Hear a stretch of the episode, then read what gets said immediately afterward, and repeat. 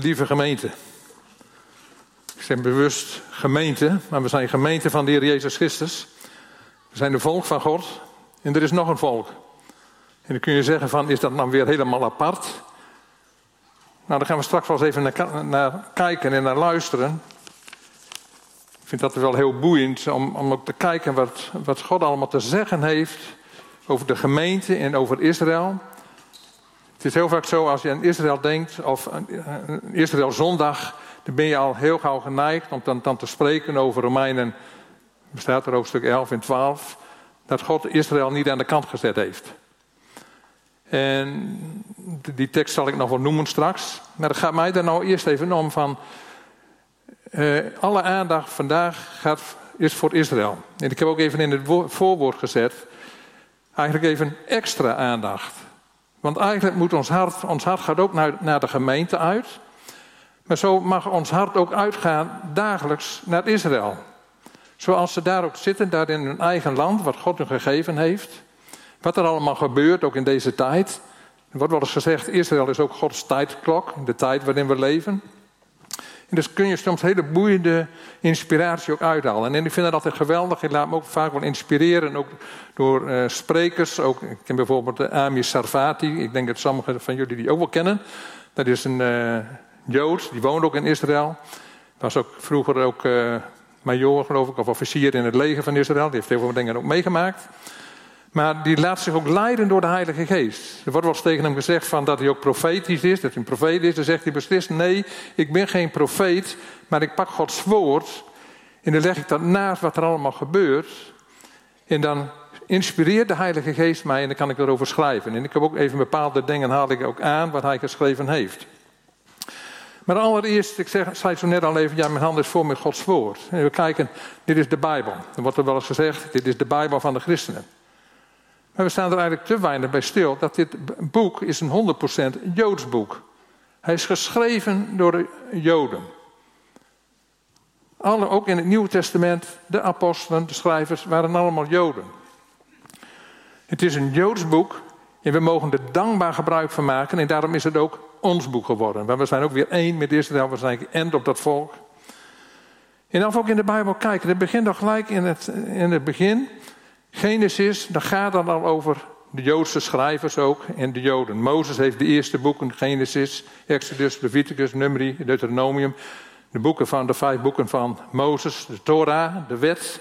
En dan gaat het verder. Jozua, Richteren, dat waren allemaal Joden.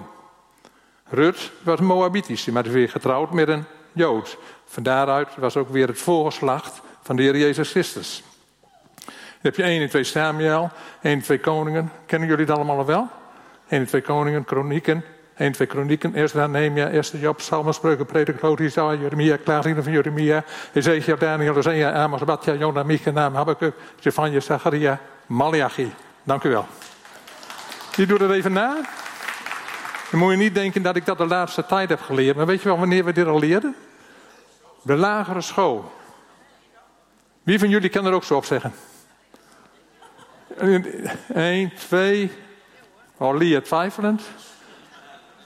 Ja, ik zie daar. Nou, er zijn niet zoveel. Esther, wil jij nog even nadenken? Nee, laat maar, hè. Maar het is een aanrader om dat zo even uh, op te dreunen. Maar dat moesten we op de lagere school al leren. Uh, ik heb eigenlijk drie punten. En dat is eerst Israël, zijn ontstaan en zijn oorsprong. Dan wil ik nog hebben over de vervangingstheologie, of de vervangingsleer. En dan Israël of de gemeente. Hoe, hoe, kijken we daar tegenaan? En de eerste keer dat Israël genoemd wordt, dat is dan al in Genesis, wat ik zo net al even noemde. En God riep Abraham. Laten we dat maar eens lezen. Genesis 12, vers 1 tot 3. De Heere nu zeide tot Abraham: Ga uit uw land en uit uw maagschap en uit uw vaders huis naar het land dat ik u wijzen zal. En daar zitten ze nog, of weer. En ik zal u tot een groot volk maken en u zegenen en uw naam groot maken en gij zult tot een zegen zijn. Ik zal zegenen wie u zegenen. Is dat geweldig dat wij Israël mogen zegenen, maar dan worden wij ook gezegend, zegt God. En wie u vervloekt, zal ik vervloeken. En dat zie je ook dat dat ook gebeurt. En met u zullen alle geslachten van de aardbodem gezegend worden. In Genesis 13, vers 15 staat ook nog van. Want het gehele land, zegt God tegen Abraham, wat gij ziet, zal ik u voor altoos geven. Dus niet tijdelijk, met het altoos, de grondtekst mag je ook vertalen met voor eeuwig. Nou, en dan zien we dat uh, de belofte van Abraham. En dat gaat het zo moeizaam. Dat hebben we wel eens afgevraagd, heer, waarom moest het zo moeizaam gaan? Abraham die was al 100 jaar en Sarah 90 jaar. Toen kregen ze pas een zoon. En wat hebben ze daar lang op moeten wachten? En wat ging dat moeizaam? En toen Isaac, die kreeg, die kreeg Jacob en Esau. Twee zonen. En dat ging ook weer heel moeizaam. Isaac die was getrouwd met Rebecca. En Rebecca die was ook onvruchtbaar. En toen ging ze op de knieën en ze smeekte God om een kind. En God verhoorde haar gebed. En ze kreeg twee zoons. Jacob en Esau. En Esau, dat was de eerstgeborene, dat was een tweeling. En Jacob was de jongste. En God had gesproken, de oudste zal de jongste dienen. Dus er was een, lag een belofte op Jacob, dat was de eerstgeborene. Maar op een of andere manier heeft Rebecca, de moeder, samen met Jacob, daar op een slinkse manier zich toegeëigend. Nou, een heel lang verhaal. De meeste van ons kennen dat verhaal wel. En anders gaat maar nalezen thuis. Ik ga het allemaal niet noemen, want dan duurt het allemaal veel te lang. Maar uiteindelijk, doordat Jacob dat deed, moest hij op de vlucht van Esau. Want Esau was boos op hem, logisch. En hij gaat naar een ver land en hij wordt rijk, hij wordt gezegend en hij komt weer terug. En dan is hij bang voor Esau, om Esau te ontmoeten. Want Esau die staat al op, eigenlijk op hem te wachten of die gaat hem tegemoet. En Jacob op de nacht, vlak voordat ze elkaar zouden ontmoeten, krijgt hij dan een engel, of een man, maar was een engel van God. En daar raakt hij mee in gevecht. En op een gegeven ogenblik heeft Jacob dan ook door dat dat een engel des Heren was. En dan zegt Jo, ga niet van mij tenzij gij mij zegent. En moet ik even zien waar ik er staan heb. Ja, en er staat er in uh, Genesis 35, vers 11 tot 12. Dat gaan we ook even lezen. 35, vers 11 tot 12. En God zeide tot hem: Gij heet Jacob. Gij zult niet meer Jacob heten, maar Israël zal uw naam zijn. En hij noemde hem Israël. En God zeide tot hem: ik ben God de Almachtige. Wees vruchtbaar en word talrijk. Een volk, ja, een menigte van volken zal uit u ontstaan. En koningen zullen uit uw lendenen voortkomen. En dit land dat ik Abraham en Isaac gegeven heb, zal ik u geven. In uw nageslacht zal ik dit land geven. We zien iedere keer weer, hoe vaak wordt er niet gezegd, dat God spreekt tot iedere keer het geslacht weer, dat ik zal jullie zegenen en ik zal jullie dat land geven. En Jacob kreeg dan twaalf zonen, waar de twaalf stammen Israël uit zijn ontstaan. In Israël is ook het bewijs dat God bestaat. Er zijn natuurlijk veel meer bewijzen, kijk maar naar de natuur. Maar Israël is ook zonder meer een bewijs dat God bestaat. En ook door dit volk wilde God ook de wereld bereiken. En we zien ook dat God trouw is aan zijn beloften. Israël heeft een geschiedenis van ups en downs, van mislukkingen en ook van rebellie. God werkte door dit volk en demonstreert hij zijn liefde en ook zijn geduld. En ook de belofte van de Messias, de Verlosser, zou komen. De Messias, de Heer Jezus. En Jezus die kwam. Johannes de Doper, die zag Jezus naar hem toe lopen. En hij verklaarde, zie het lam Gods dat de zonde van deze wereld wegneemt. Niet van Israël, maar van de wereld. Natuurlijk inclusief Israël. Maar zo sprak Johannes al. En dat ging iedere keer ook wel bij de Joden vaak langs. Als er ook gesproken werd over de wereld. De heer Jezus die zei ook van. Of in Johannes 3, vers 16 staat daar die hele bekende tekst. Al zo lief God deze wereld. Dat hij zijn zoon gegeven heeft. En begrijpelijk is dat de Joden dan ook dachten, steeds weer opnieuw al die, die, die beloften die op de volk lagen en wat ze iedere keer ook weer kregen te horen, dat de beloften er alleen voor hen waren en niet voor die heidense wereld. We lezen bijvoorbeeld in Deuteronomium 28, vers 9: De Heere zal u als zijn heilig volk bevestigen, zoals hij u, hij u gezworen heeft. En zo staan er veel meer van dit, deze beloften. En dan gaan we nu even een stukje geschiedenis lezen uit Handelingen 13, vanaf vers 14 of 16, even kijken. Dat is een preek van Paulus. En dat gaat dan ook over een stukje geschiedenis van Israël en hoe verder. Paulus die was naar Antiochia gereisd en dan kwam hij in de synagoge terecht. En de overste van de synagoge die vervroegen hem of hij ook een woord van bemoediging had. Nou, dat had hij wel. En dan lezen we in vers 16. En Paulus stond op, wenkte met zijn hand en zeide: Mannen van Israël en vereerders van God, luistert. En ik vind het wel heel mooi, want dan zie je dan een keer weer. Het is net alsof Paulus eh, ook even met nadruk wilde zeggen: van jullie zijn echt goed bezig. Jullie zijn vereerders van God. Jullie geloven in God en hebben hem lief. Net alsof hij van tevoren even, dat maak ik er nou uit, zo had ik dat nooit gelezen, even iets wou nou bevestigen voor hun, omdat hij hun niet wilde teleurstellen. Maar hij had wel een doel op zich, Paulus, waarover hij wou spreken. De God van dit volk Israël heeft onze vaderen uitverkoren en het volk verhoogd, toen zij bijwoners waren in het land Egypte. En hij heeft hen met hoge arm daaruit gevoerd en die heeft gedurende een tijd van omstreeks 40 jaren in de woestijn hun eigenaardigheden verdragen. En na zeven volken uitgeroeid te hebben in het land Canaan, heeft hij hun land hun ten erfdeel gegeven. Omstreeks 450 jaren lang. En daarna gaf hij hun richters, tot op de profeet Samuel. En van toen af vroegen zij om een koning. En God gaf hun Saul, de zoon van Kis, een man uit de stam Benjamin, 40 jaren lang. En nadat hij deze verworpen had, verwekte hij een David als koning. Wie hij ook dit getuigenis gaf: Ik heb David, de zoon van Isaïe, gevonden, een man naar mijn hart, die al mijn bevelen zal volbrengen. Uit zijn geslacht heeft God naar de belofte voor Israël de heiland Jezus doen komen. Nadat Johannes eerst voor zijn optreden aan het gehele volk Israël een doop van bekering gepredikt had. En toen hij zijn loopbaan volbracht, zeide Johannes: wat gij meent dat ik ben, ben ik niet. Maar zie, na mij komt hij, wie ik niet waardig ben het schoeisel van zijn voeten los te maken. Mannen, broeders, zonen van het geslacht van Abraham en vereerders van God onder u, tot ons is deze heilsboodschap gezonden. Want die te Jeruzalem wonen en hun oversten hebben hem niets erkend en zij hebben de uitspraken der profeten die elke sabbat worden voorgelezen, door hun oordeel vervuld. En hoewel zij geen grond voor doodstraf konden vinden, hebben zij Pilatus gevraagd hem te dood te brengen. En toen zij alles volbracht hadden wat van hem geschreven stond, namen zij hem af van het hout en legden hem in een graf. Maar God heeft hem uit de doden opgewekt. En hij is gedurende vele dagen verschenen aan hen die met hem van Galilea naar Jeruzalem opgegaan waren, die thans getuigen van hem zijn bij het volk. En wij verkondigen u dat God de belofte die aan de vaderen geschied is, aan ons, hun kinderen, vervuld heeft door Jezus op te wekken. Gelijk in de tweede psalm geschreven staat, mijn zoon zijt gij, ik heb u heden verwekt.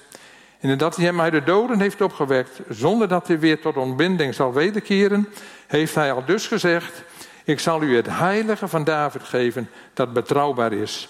En daarom zegt hij ook in een andere psalm: Gij zult uw heilige geen ontbinding doen zien. Want David is, na voor zijn geslacht de raad Gods gediend te hebben, ontslapen en bij zijn vaderen bijgezet. En hij heeft wel ontbinding gezien. Maar hij die God heeft opgewekt, heeft geen ontbinding gezien. Zo zij u dan bekend, mannen en broeders, dat door hem uw vergeving van zonden verkondigd wordt. Ook van alles waarvan gij niet gerechtvaardigd kon worden door de wet van Mozes, wordt ieder die gelooft gerechtvaardigd door hem. Ziet dan toe dat u niet overkomen wat in de profeten gezegd is. Ziet, verachters en verwondert u en verdwijnt. Want ik werk een werk in uw dagen, het is wel heel belangrijk. Een werk dat gij voorzeker niet zult geloven als iemand het u verhaalt. En dat het gedeelte, dat staat ook in Habakkuk, heeft erover geprofiteerd. En daar staat dat gaat betreffende de heidenen. Ik heb het hier nog wel even, kan nog wel even lezen. Ziet onder de heidenen en let op en verbaast u, ontzet u. Want ik doe een werk in uw dagen dat gij niet zou geloven wanneer het verteld wordt. Verbaast u en verzet u en ontzet u. Maar ik doe een werk, maar de Joden waren er nooit van op dood als ze het wilden niet aan. Dat ook het evangelie, het woord van God, dat God ook een God zou zijn voor deze wereld, voor de mensen. Ze dachten dat zij soort elitevolk waren, of ik zeg het even met mijn eigen woorden. Maar dat zij een apart volk waren, midden van deze wereld, en dat was natuurlijk ook zo. Ze waren apart gezet, een heilig volk, apart gezet door, door God. Maar ze hadden niet door dat God hen ook wilde gebruiken voor deze wereld. En dat het evangelie ook verkondigd zou worden aan deze wereld. En ook dat daardoor de gemeente zou ontstaan. Maar toen zij vertrokken, verzochten zij hun tegen de eerstvolgende Sabbat weer deze woorden te spreken. Welke woorden? Nou, ik denk van, van die laatste. Ieder die gelooft, die zal gerechtvaardigd worden. En na het uitgaan van de synagoge volgden velen van de Joden en de vereerders van God, die Jodengenoten waren, Paulus en Barnabas. Die dan ook tot hen spraken en bij hen aandrongen om te blijven bij de genade Gods. En de volgende Sabbat, moet je kijken wat er toen ging gebeuren, kwam bijna de gehele stad bijeen om het woord Gods te horen. Er waren heidenen. Eerst waren ze in de synagoge, maar gewoon de Joden. Toen kwamen de heidenen er ook aan. Doch toen de Joden de scharen zagen, werden zij vervuld met nijd en spraken lasterende tegen hetgeen door Paulus gezegd werd. Met Paulus en Barnabas zeiden vrijmoedig: Het was nodig dat eerst tot u het woord Gods werd gesproken, doch nu gij het verstoot en u het eeuwige leven niet waardig keurt, zie, nu wenden wij ons tot de heidenen. Want zo heeft de Heere ons geboden. Ik heb u gesteld tot een licht der heidenen, dat gij tot heil zoudt zijn, tot aan het uiterste der aarde. En toen nu de heidenen dit hoorden, verblijden zij zich en verheerlijkten het woord des Heren. En allen die bestemd waren ten eeuwige leven kwamen tot geloof. En het woord des Heren verbreidde zich door het gehele land. En moet je niet denken van, hé hey, Wiebrand, het gaat toch over Israël en nu heb je het over de heidenen en over de kerk. Nee, het gaat juist heel veel over Israël, ook in dit gedeelte. Maar God had al eerder gezegd, op heel overtuigende manier, duidelijk gemaakt dat het heil, dat het heil ook voor de heidenen is. En heil, heil voor de heiden, heil, dat is ook een groet. Heil Caesar bijvoorbeeld werd er gezegd. Maar heil, dat betekent eigenlijk verlossing, redding. Het heil is uit, uit de Joden gekomen. Verlossing is uit de Joden. In Christian had het vorige week al ook over uh, die Romeinse hoofdman in Handelingen 10. Dat sprak me toen al even aan. En hoe, hoe dat gegaan is. Waarom moest er op zo'n bijzondere manier? Zat ik toen al even over na te denken. Eerst die Romeinse hoofdman, die, die, uh, er verscheen een engel. En die werd daardoor bemoedigd. En hij moest dat en dat en dat doen. Hij moest naar uh, Simon. Die zou hij ontmoeten. Ik weet zo de plaats niet meer. Joppe was dat? Ik weet niet meer, maakt niet uit. En Petrus, die kreeg een visioen. Tot drie keer toe, van die laken met onrein voedsel. Drie keer toe. Paulus, Petrus had natuurlijk wat met drie. Hij had de heer Jezus drie keer verlogend.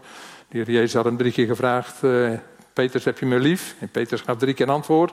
En nu kreeg hij dit visioen, de laken, drie keer. Maar dat was nodig, want als bij Petrus de deur, deurbel was gegaan en er waren twee mensen geweest die zeiden nou hier is een Romeinse hoofdman, die heeft net een verschijning gehad van een engel en die vraagt of jij wilt komen om, uh, om te praten. Ja, dat Petrus gezegd van uh, nooit een keer.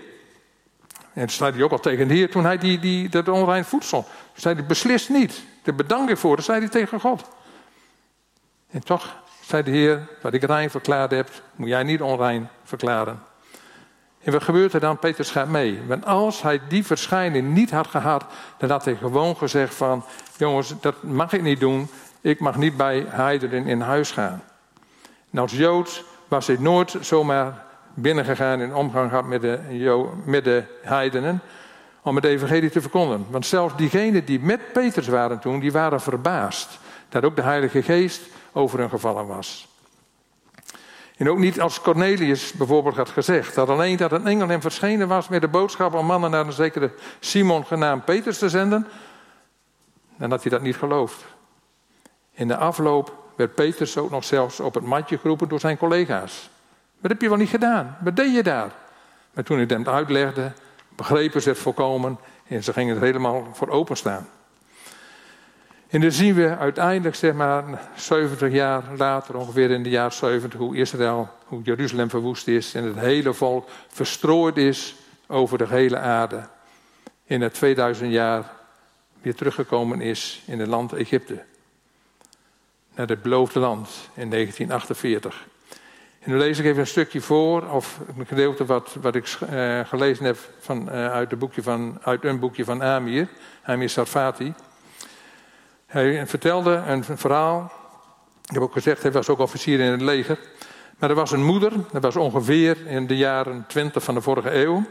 Er was een moeder die las iedere avond haar zoon Bijbelverhalen voor.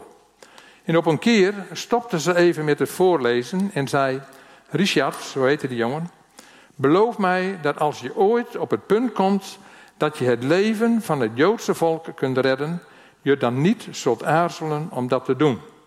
Toen ging ze weer verder met voorlezen en ze sprak er nooit meer over. Het was net in die tijd dat uh, er was uh, een politicus van Engeland, ook premier later, maar er was ook minister van Buitenlandse Zaken. En die gaf toen toestemming om het huis van Israël te vestigen in het land.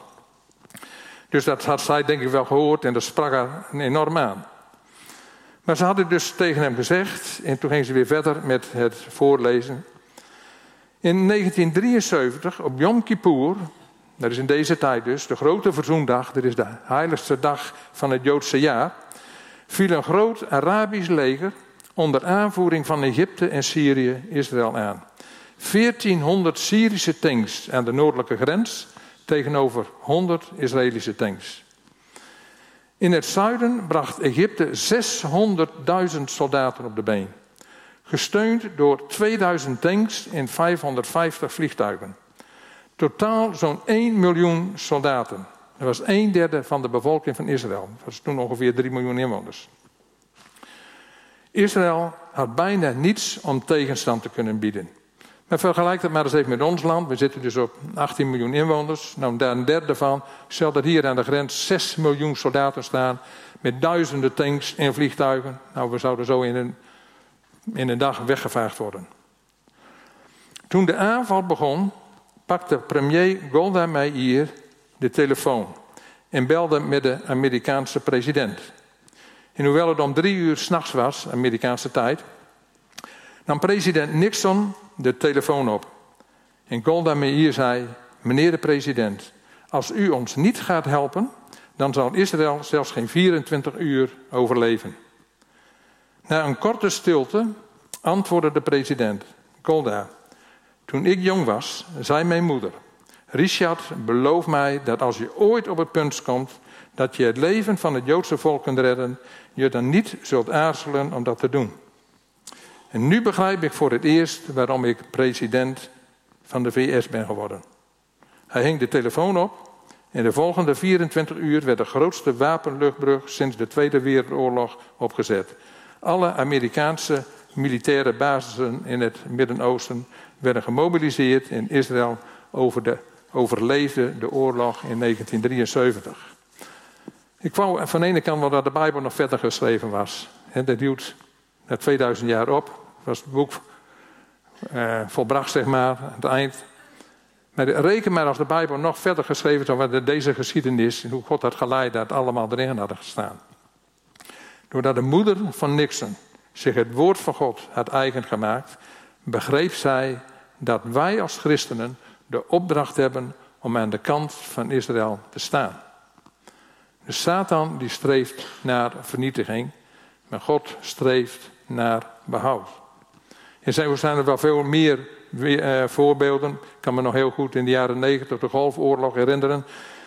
En toen zijn er 39 skutterraketten, dat zijn behoorlijk goed geavanceerde wapens, die zijn op Israël afgeschoten. 39 stuks. Met slechts één dode. En dat ook nog door een hartaanval. Dan kom ik nu even naar punt 2 en dat is de vervangingstheologie. Ofwel de vervangingsleer wat inhoudt dat men gelijk al toen de kerk ontstond, dat men open ging staan van ja, God heeft afgedaan met Israël. En de gemeente, wij zijn het geestelijk Israël en wij hebben de plaats van Israël ingenomen. Wij zijn nu het geestelijk Israël. En dat, zoals wij, als je het woord van God kent, dan kun je dat eigenlijk niet voorstellen. Er staan zoveel teksten in dat, dat blijkt dat God nog gewoon achter Israël staat en kijkt naar alle wonderen die er gebeuren tot op de dag van vandaag. Dan kun je je niet voorstellen eigenlijk dat die leer er was tot op de dag van vandaag. Er zijn nog heel veel gelovigen, die misschien zijn er ook wel onder ons die nog twijfelen, die eigenlijk niks hebben, niet zoveel met Israël. Maar door de eeuwen heen heeft het zich altijd gepasseerd. En wat is het volk geplaagd? Als je daar bij de boekentafel van me zo straks nog even een, een plaatje zien in het gedeelte. Een boek waar helemaal gaat over die 2000 jaar van verstrooiing. Wat er allemaal met dat volk gebeurd is. Hoe dat volk geleden heeft. Verschrikkelijk. Het boek ligt wel op de boekentafel. Ik denk dat je het wel kunt kopen. Maar als je dan kijkt hoe men daar gekomen is dan moet je niet zeggen van, ja, maar eh, hoe leren ze de Bijbel dan? Maar als ik de Bijbel eenzijdig lees, als ik eenzijdig teksten haal uit de Bijbel, dan zeg ik 100% God heeft afgedaan met Israël. Ik weet nog wel dat Lodewijk eens een keer vertelde toen hij nog studeerde in Canada, dat uh, een leraar was en die, uh, die vertelde, die zei van, ik voor jullie vandaag onderwijs geven over dat God in de Bijbel ook bedoeld heeft dat een man meerdere vrouwen mag hebben kan ik aan de hand van de Bijbel tonen. De volgende dag ga ik jullie dan uitleggen aan de hand van Gods woord dat God bedoeld heeft één man van één vrouw. En zo kunnen we ook aan de hand van de Bijbel uitleggen van dat God heeft afgedaan met Israël. Exodus 19, vers 5 tot 6. Daar staat: Nu dan, indien gij aandachtig naar mij luistert en mijn verbond bewaart, dan zult gij uit alle volken mij ten eigendom zijn. Want de ganse aarde behoort mij. En gij zult mij een koninkrijk van priesters zijn en een heilig volk. Maar hoe ging dat? Het volk antwoordde toen: Alles wat de Heere gesproken heeft, zullen wij doen. Was het hoogmoed? Ik denk het toch wel. Zou je 100% durven zeggen dat het eerste gebod God liefhebben met je heel je hart, met alles wat in je is. Heel je verstand, met heel je ziel, met heel je lichaam. Daar falen we toch wel eens in. En je naaste als jezelf. Hoe kunnen we dan zeggen van alles wat u geboden heeft, dat zullen wij doen. Ze hadden een houding van dat klusje klaren we wel even. En toen de wet kwam, gelijk het eerste gebod werd overtreden. Ze liepen vreemde goden achterna. En het toppunt was wel dat ze de beloofde Messias afwezen. Johannes 1, vers 11. Een hele trieste, misschien wel een van de trieste teksten in de Bijbel. Hij kwam tot het zijne en de zijnen hebben hem niet aangenomen. Daardoor, mede daardoor zegt de vervangingsleer dat God ooit Israël wel had uitgekozen als zijn oogappel, maar dat ze het verspeeld hebben. Bijvoorbeeld ook met de uitspraak: Zijn bloed komen over ons en onze kinderen. Toen die Jezus terecht stond, bij Pilatus. Ze kwamen in opstand, liepen de afgoden achterna en het ergste van alles, ze verwierpen de Messias. In jaar 7, toen is Jeruzalem verwoest, zijn ze verstrooid over de hele wereld. Gevolg, de gemeente, die plaats, neemt de plaats van Israël in. En dat gebeurde al in de eerste gemeente dat men daar onderwees. En Paulus die ging daar altijd keihard tegenin. Maar ze luisterden niet en ze hoorden het niet. Dan lezen we bijvoorbeeld of degene die eenzijdig, die zeggen dat Israël, dat God ermee af heeft gedaan en dat het nu de gemeente is. Dan lezen we in het Nieuwe Testament Gods nieuwe oogappel, de gemeente. Heel duidelijk. 1 Petrus 2, vers 9 tot 10. Gij echter zijt een, dat is aan de gemeente. Gij echter zijt een uitverkoren geslacht, een koninklijk priesterschap, een heilige natie, een volk goden ten eigendom om de grote daden te verkondigen van Hem die u uit de duisternis geroepen heeft tot zijn wonderbaar licht. En dan vers 10, u eens niet zijn volk, nu echter Gods volk, eens zonder ontferming, nu in zijn ontferming aangenomen. En als je alleen dit soort teksten, en die zijn er nog veel meer, uit de Bijbel haalt, zeg je ja, het is duidelijk. Israël is aan de kant gezet en wij als gemeente zijn de nieuwe toekomstige bruid van Christus. En natuurlijk ook de bekeerde Joden, die horen er ook bij. Dus eerst de Joden en dan de Griek, die horen er ook bij. Maar als volk als zodanig heeft God mee afgedaan. En dat is echt niet iets, lieve mensen, van de laatste eeuw. Dus al in de eerste eeuw speelde dat. Waarschuwde Paulus heel duidelijk voor deze dwaling. En voor degenen die geloven, die dit geloven, zou ik zeggen, lees Romeinen 11, vers 1 en 2a.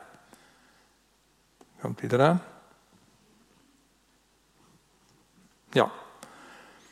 Ik vraag u dan, Paulus tegen de Romeinen. God heeft zijn volk nog niet verstoten? Volstrekt niet. Ik ben immers zelf een Israëliet, uit het geslacht, nageslacht van Abraham, van de stam Benjamin.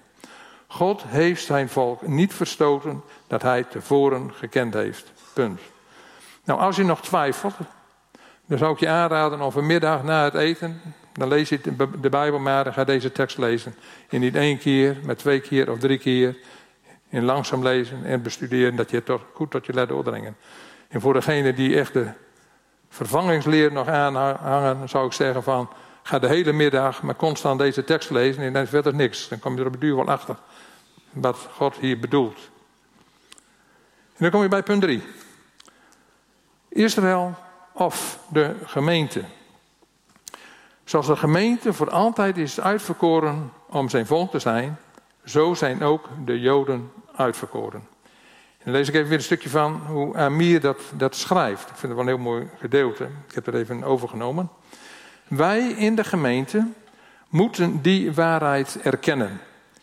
Het is onze verantwoordelijkheid om de volken te laten weten, en ook sommige kerken, ik stop even, want ik zei van Israël of de gemeente.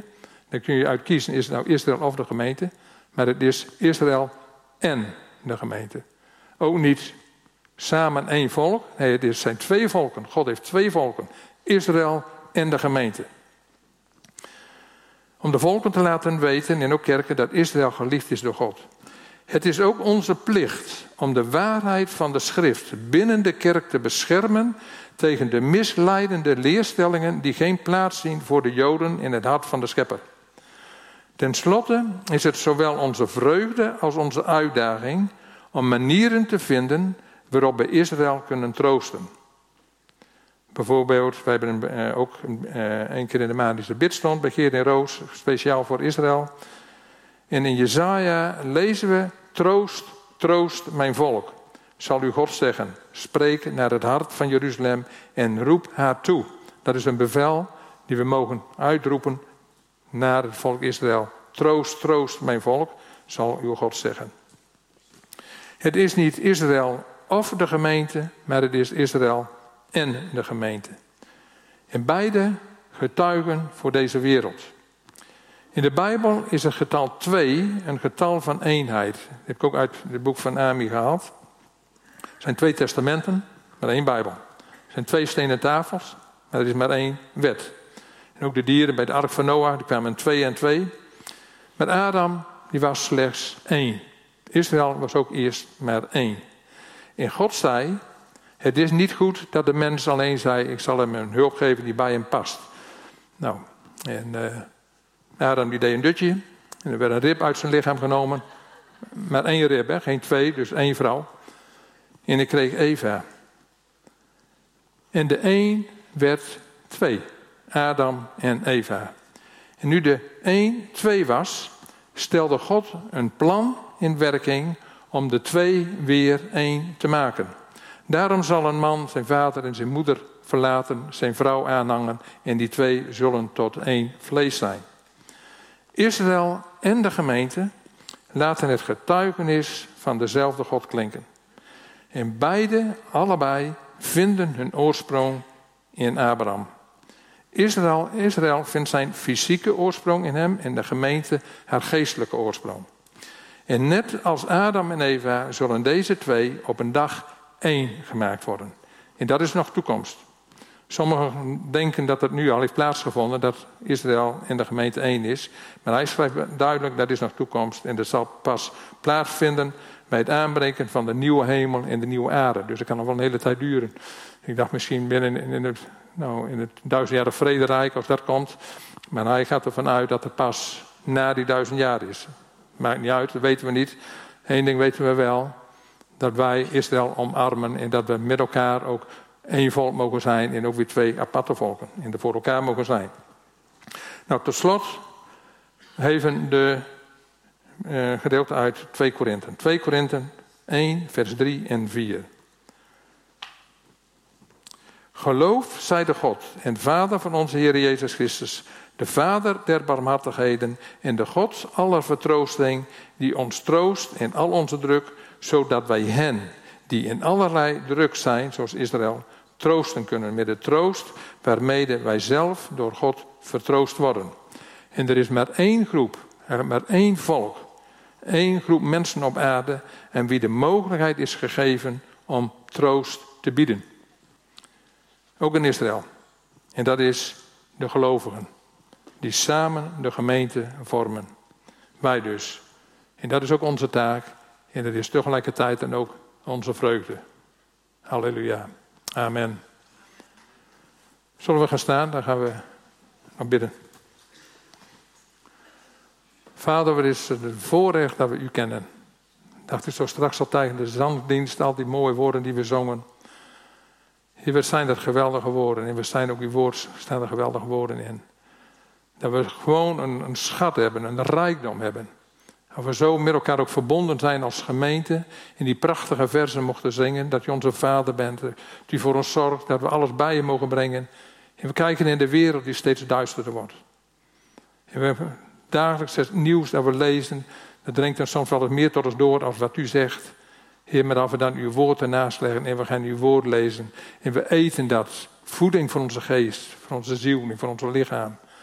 Heer, dan verdwijnt als het ware die duisternis, al het negatief in deze wereld. Terwijl het nog wel zo is en waar we dan ook wel weer deel aan hebben. We moeten ook nuchter zijn. Heer, zo weten we ook dat ook Israël tot op de dag van vandaag steeds onder die druk staat. En u nog niet kennen. Er zijn gelukkig zijn er al heel veel Joden die de Messias hebben leren kennen en hem hebben aangenomen. Die de Heer Jezus net zo goed kennen als wij. En wat is dat een schat, een rijkdom. Vader, en zo willen we ook met elkaar als gemeente bidden voor het volk Israël. Heer, het is een broedervolk van ons. We zijn broers. Heer, we zijn één familie wat dat betreft. We zijn ook geënt. Heer, op de wijnslaandank. En daar bent u. Dank u wel, Heer, dat we zo met elkaar door mogen gaan. Dat we Israël mogen zegenen. Dat we Jeruzalem mogen zegenen. En dat u altijd het laatste woord hebt. Heer, we mogen weten, Heer, als we Carlien hield er nog aan dat overal, ja, er wordt, wordt u geloofd en geprezen in, in, alle kerken. En Heer, als dat er niet meer zou zijn. En er zal een moment komen dat dat er niet meer is. Als de weerhouder weggenomen is. In de wereld, in de wereld wordt nergens meer u geloofd en geprezen. Het zou dan een verschrikkelijke tijd aanbreken. Vader, maar wij mogen weten dat we er voor elkaar mogen zijn. Dat we er voor Israël mogen zijn. Maar dat we er ook voor deze wereld mogen zijn. Dat we uw licht mogen laten schijnen. In een wereld die veel, steeds duisterder wordt. En zo willen we Israël ook omarmen. Als onze oudere broer. En willen Israël zegenen. En dank u wel, Heer, dat een tijd zal komen zoals Jozef zich ook bekend maakte aan zijn broeders in Egypte. Zo zal u ook zich ook bekend maken aan uw Joodse volk. U komt, als u terugkomt, komt u niet in Amsterdam of New York of waar dan ook, maar komt u in Jeruzalem. In uw eigen land. Waar u bent opgegroeid, 2000 jaar geleden. En daar verschijnt u weer aan het Israël. En heel Israël zal u omarmen als een Messias. Vader, en we zien er naar uit. Dat die tijd gaat komen. En het zijn de beloften. En uw woord is ja en amen. En er zal een tijd komen dat dit allemaal zal gaan geschieden. Dat de profetieën allemaal vervuld gaan worden zoals u hebt gesproken. Dank u wel, Heer, dat we zo Israël vanaf deze plaats mogen zegenen. Dat we elkaar ook mogen zegenen. Ook met dit woord van bemoediging. Dat wij een hele mooie en fijne taak hebben hier op aarde. Als afgezanten, als kinderen van de Allerhoogste God. In Jezus' naam. Halleluja. Amen.